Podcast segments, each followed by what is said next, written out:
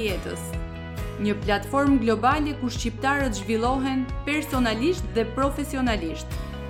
Në emisionin e shkollës së jetës, kemi shumë të ftuar që ndajnë eksperiencën e shkollës së jetës së tyre për të edukuar dhe frymëzuar gjithsecilin. Bëhuni pjesë në komunitetin e gjërë të shkollës së jetës, në grupin në Facebook dhe Instagram, Shkolla e Jetës. Elona Lopari Shërbimet që ofrohen janë programe individuale dhe në grup për zhvillimin e suksesit, karrierës, biznesit, shëndetit mendor dhe mundësi partnershipi me kompaninë globale Arbon.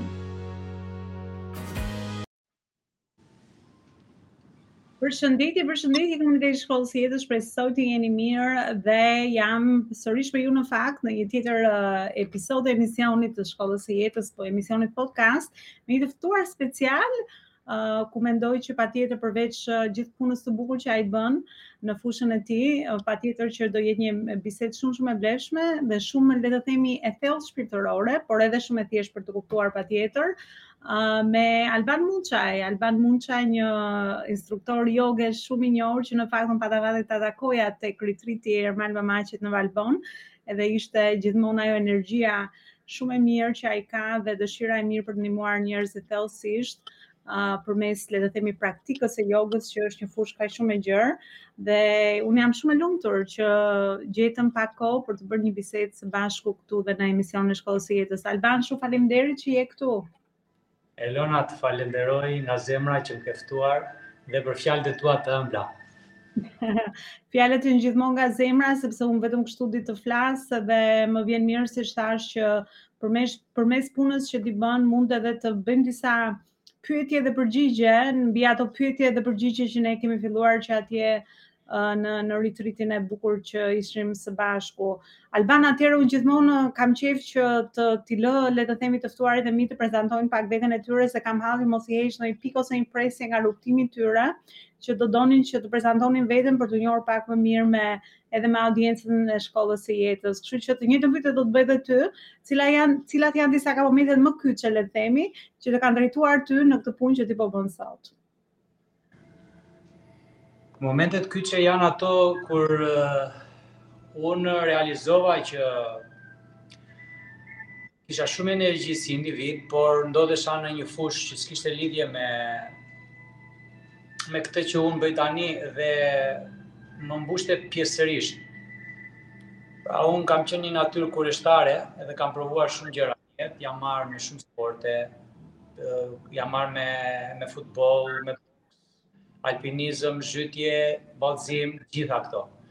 Dhe gjitha këto kanë luajtur atë pjesën e tyre në puzzle-in e formimit të karakterit tim. Dhe jam shumë mirënjohës për këtë gjë që natyra ime kureshtare bëri të, të mundur gjithë këto dhe në fund që erdi dhe Vjen dhe eksplorimi i brendshëm dhe i jashtëm, domethënë nga jashtëmi vjen i brendshmi. Mm. Shumë e bukur kjo. Në fakt ajo le të themi ato pak pakënaqësitë e vogla ose edhe të mëdha, se mund të bëhen edhe të mëdha në fakt, nëse nuk i dëgjojmë, se edhe un flas shpesh për rrugtimin tim ku kam pasur disa momente kyçe, që në fakt në dukje të jashtme duhet të isha shumë e lumtur dhe e përmbushur, por nga brenda ndjeja disa hapësira dhe disa thirrje të reja që në fakt nuk i kam i kam injoruar për disa kohë, por pastaj vjen një moment që ti nuk mund t'i injorosh më sepse jetojnë me ty dhe ti pastaj je në konflikt me veten tënde dhe pak a shumë e shoh që edhe ti paske patur disa nga këto konflikte të vogla që në fakt mendoj që nuk janë aspak fare në rrugëtimin ton, sepse na drejtojnë në atë gjën e radhës të duhur, uh, duke qenë njerëz kuriozë, njerëz që gjithmonë kërkojnë për të eksploruar gjëra të reja dhe për t'u rritur.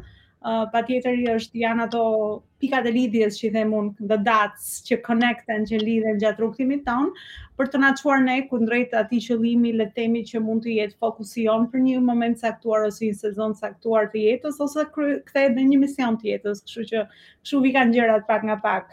Uh, Alban po tek praktika e jogës, çfarë të tërhoqi që në fillim? Cilat janë disa nga le të themi pikat kyçe që ti kur i dëgjove ose i mësove, le të themi që hapën atë horizontin tënd dhe të dhanë atë momentin, aha ha, kjo duhet të të të jetë diçka që un do ta mësoj dhe do ta aplikoj dhe do do ta ndaj me më shumë njerëz. I mban mend disa nga pikat kyçe që të po, të tërhoqën? tjetër. Fillimisht doja të ndalesha tek pakënaqësitë. Pakënaqësitë janë ato kur ne realizojmë që kemi ngecur diku, që fillojmë mos të pëlqejmë një realitet si të jashtëm edhe të brendshëm. Pra, aty fillon individi dhe pyet, por pyetjet kur bëhen, bëhen pyetje dhe fillon analiza, por për një kohë të gjatë Unë pashë që analiza nuk më çonte diku. Pra mendimet, kritikat, autokritikat, gjitha këto konkluzionet.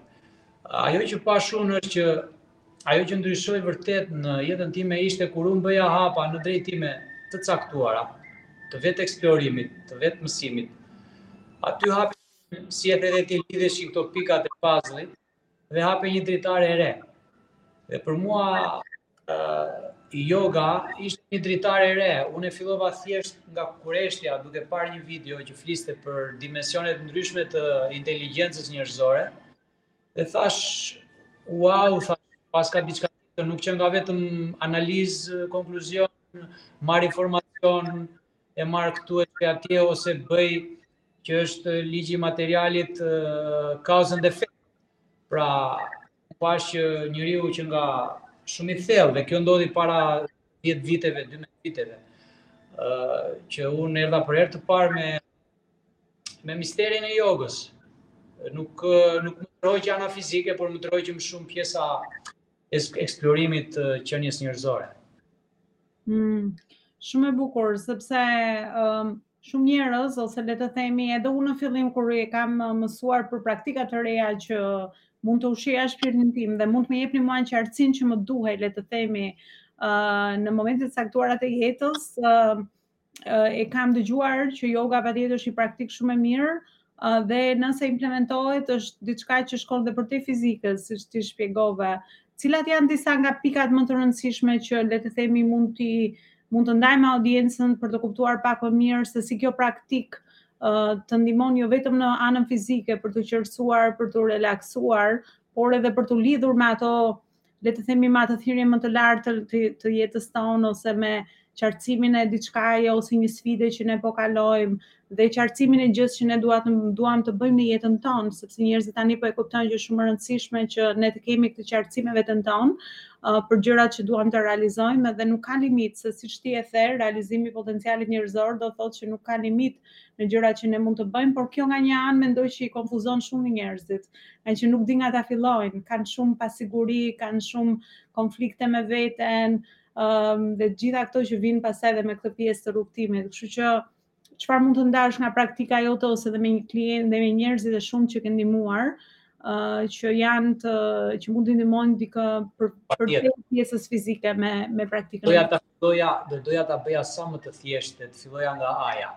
Duke filluar që nga fiziologjia njerëzore, pra ne ne kemi mësuar kemi qenë nëpër shkolla, kemi mësuar abc-në kemi mësuar matematikën, kemi mësuar gjithçka që kjo lidhet me pjesën e mbijetesës në njëfarë mënyre, që personaliteti jonë zhvillohet në një në një njëanshëm. Pra kjo kjo është një anë. Ajo që nuk kuptojmë ne është që ne nuk kemi kem, nuk kemi eksploruar pjesë të tjera që nuk i njohim. Pra, ë uh, duke marrë gjëra të thjeshta, ne duhet të kuptojmë që njeriu mendja njerëzore është e lidhur me energjinë.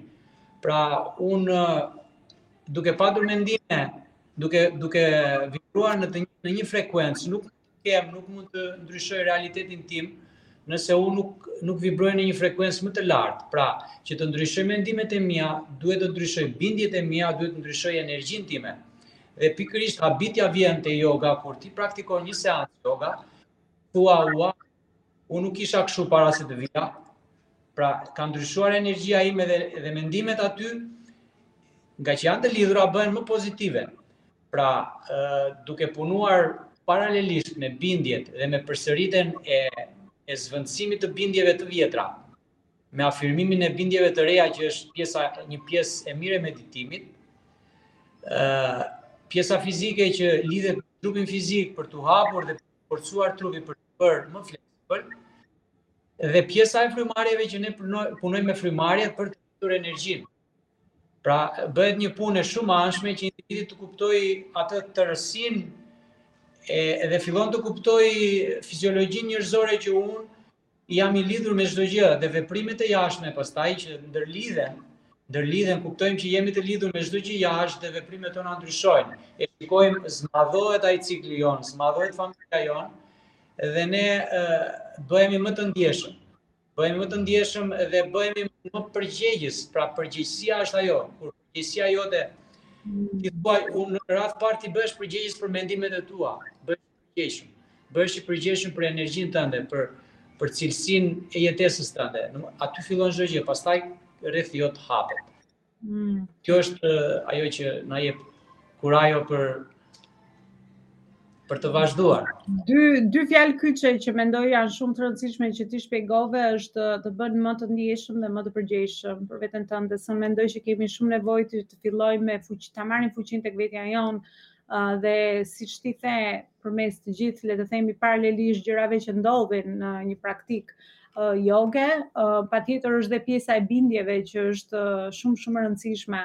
Alban, çfarë çfarë mendon ti, cilat janë disa nga bindjet më toksike në kulturën tonë ose le të themi dhe me punën që ti bën në përditshmërinë tënde që na mbajnë le të themi mbrapa, na pengojnë për të ecur përpara dhe për të pasur atë kënaqësi në jetën tonë ose përmbushje le të themi nga të gjitha dimensionet në mënyrë që ne të jemi më të lumtur dhe patjetër të jemi edhe kontribues më të mirë në shoqërinë tonë sepse unë e di që këtë e kemi ne si një të gjithë duan të kontribuojmë, të gjithë duan të ndihmojmë, një mënyrë ose një tjetër, por cilat janë disa nga ato, ato bindje që ti ke parë më së shumti, që mund t'i le të themi mund të mund të flasim pak më shumë për to. Njëra nga bindjet që pengon njerëzit për të patur sukses sepse ata besojnë se njerëzit e suksesshëm ose ata njerëz që jetojnë një jetë cilësore ose kanë një mik, ose kanë trashëgim një talent, ose kanë një mënyrë tjetër që një person që ka një bindje të kufizuar do të gjejë një justifikim.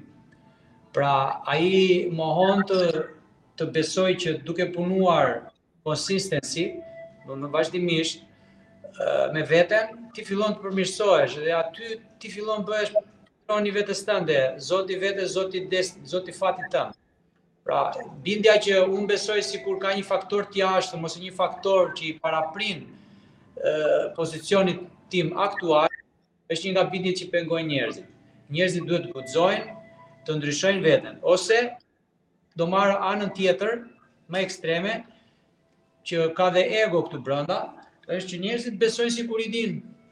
Thonë, ha mëse, u bë ai, ai ka fat, ose Njerëzit besojnë sikur dinë, ose ata që besojnë sikur i dinë të gjitha, ose marrin një informacion, e lexojnë diçka, dhe vijnë të thonë që kjo është kështu, pa patur një eksperiencë, një lidhje me, me çështjen, nxjerrin konkluzione të shpejta. Pra aty ju duhet të mendojë, duhet të shohë çfarë të filtrojë, çfarë merr, çfarë jep. Hmm. Pra, këto janë bindje që fizuese.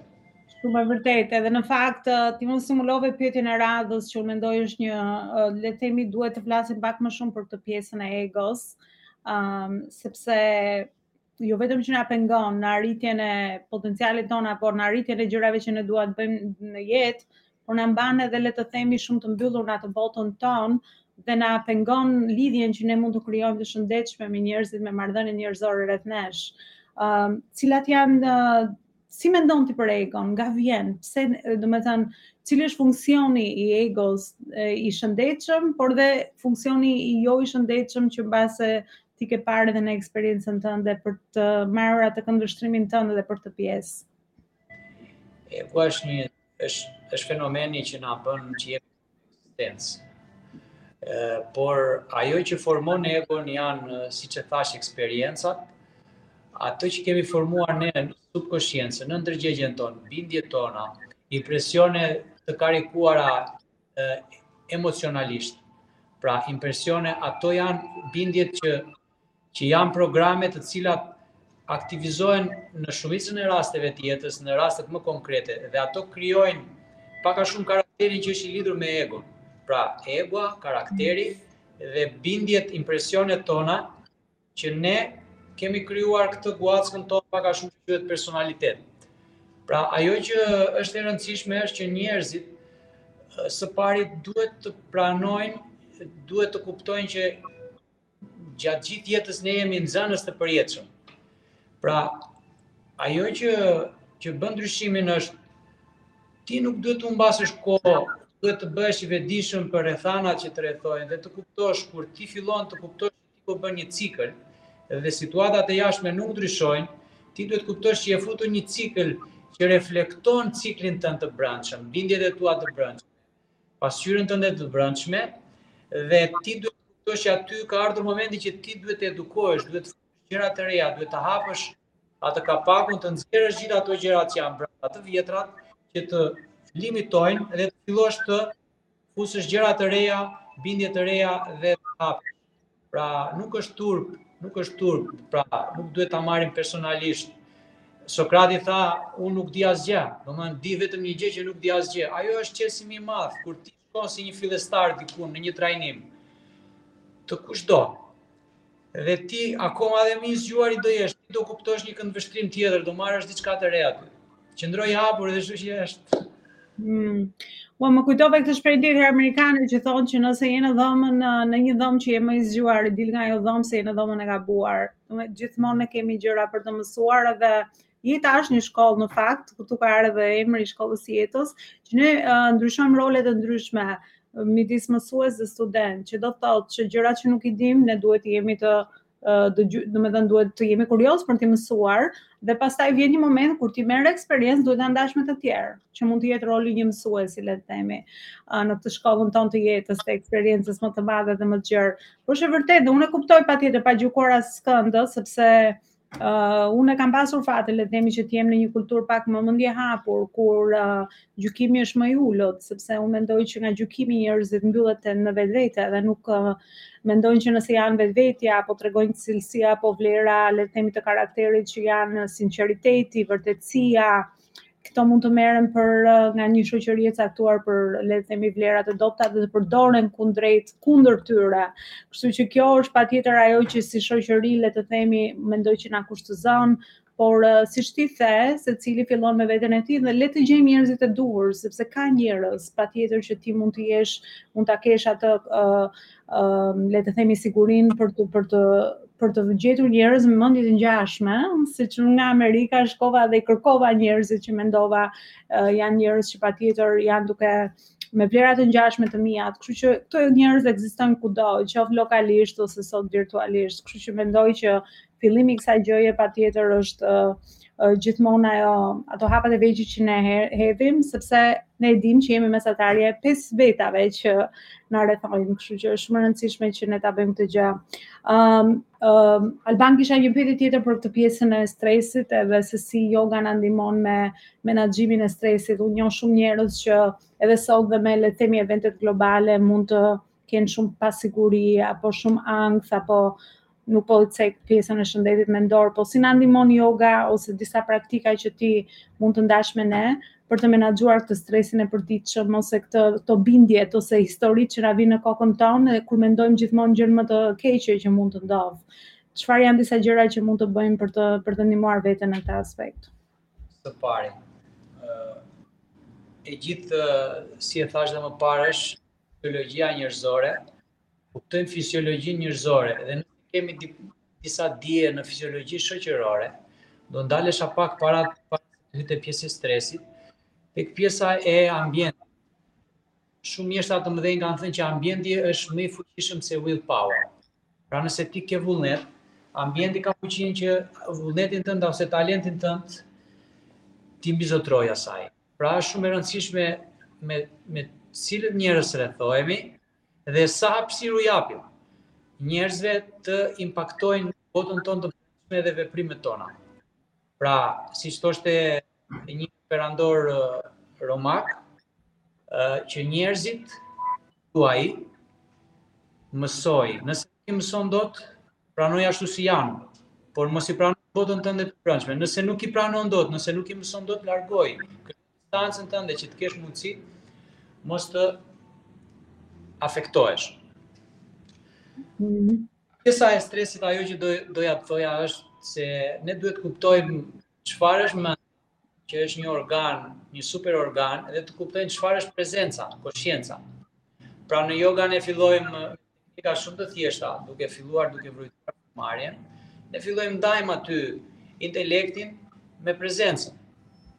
Dhe që t'i ndash të dyja, duhet te elementi energji, se shumë teori pa fund, mund të lexojmë libra pa fund, po kjo nuk të bën të kesh eksperiencë, ajo mund të japi motivimin, por energjia është ajo që, që të bën të japi eksperiencën.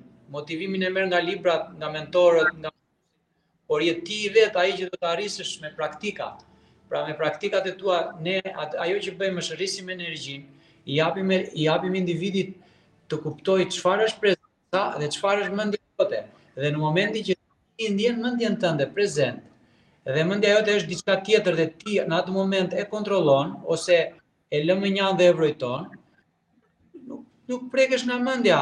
Kjo ndoshta ndodh disa momente, po kjo të jep ka aq fuqi sa të jep të kuptosh që është eksperiencë e vërtetë. Dhe gradualisht ne mësohemi dhe kur vijnë mendimet negative ne nuk i marrim seriozisht, themi është një furtunë dhe do kalojë.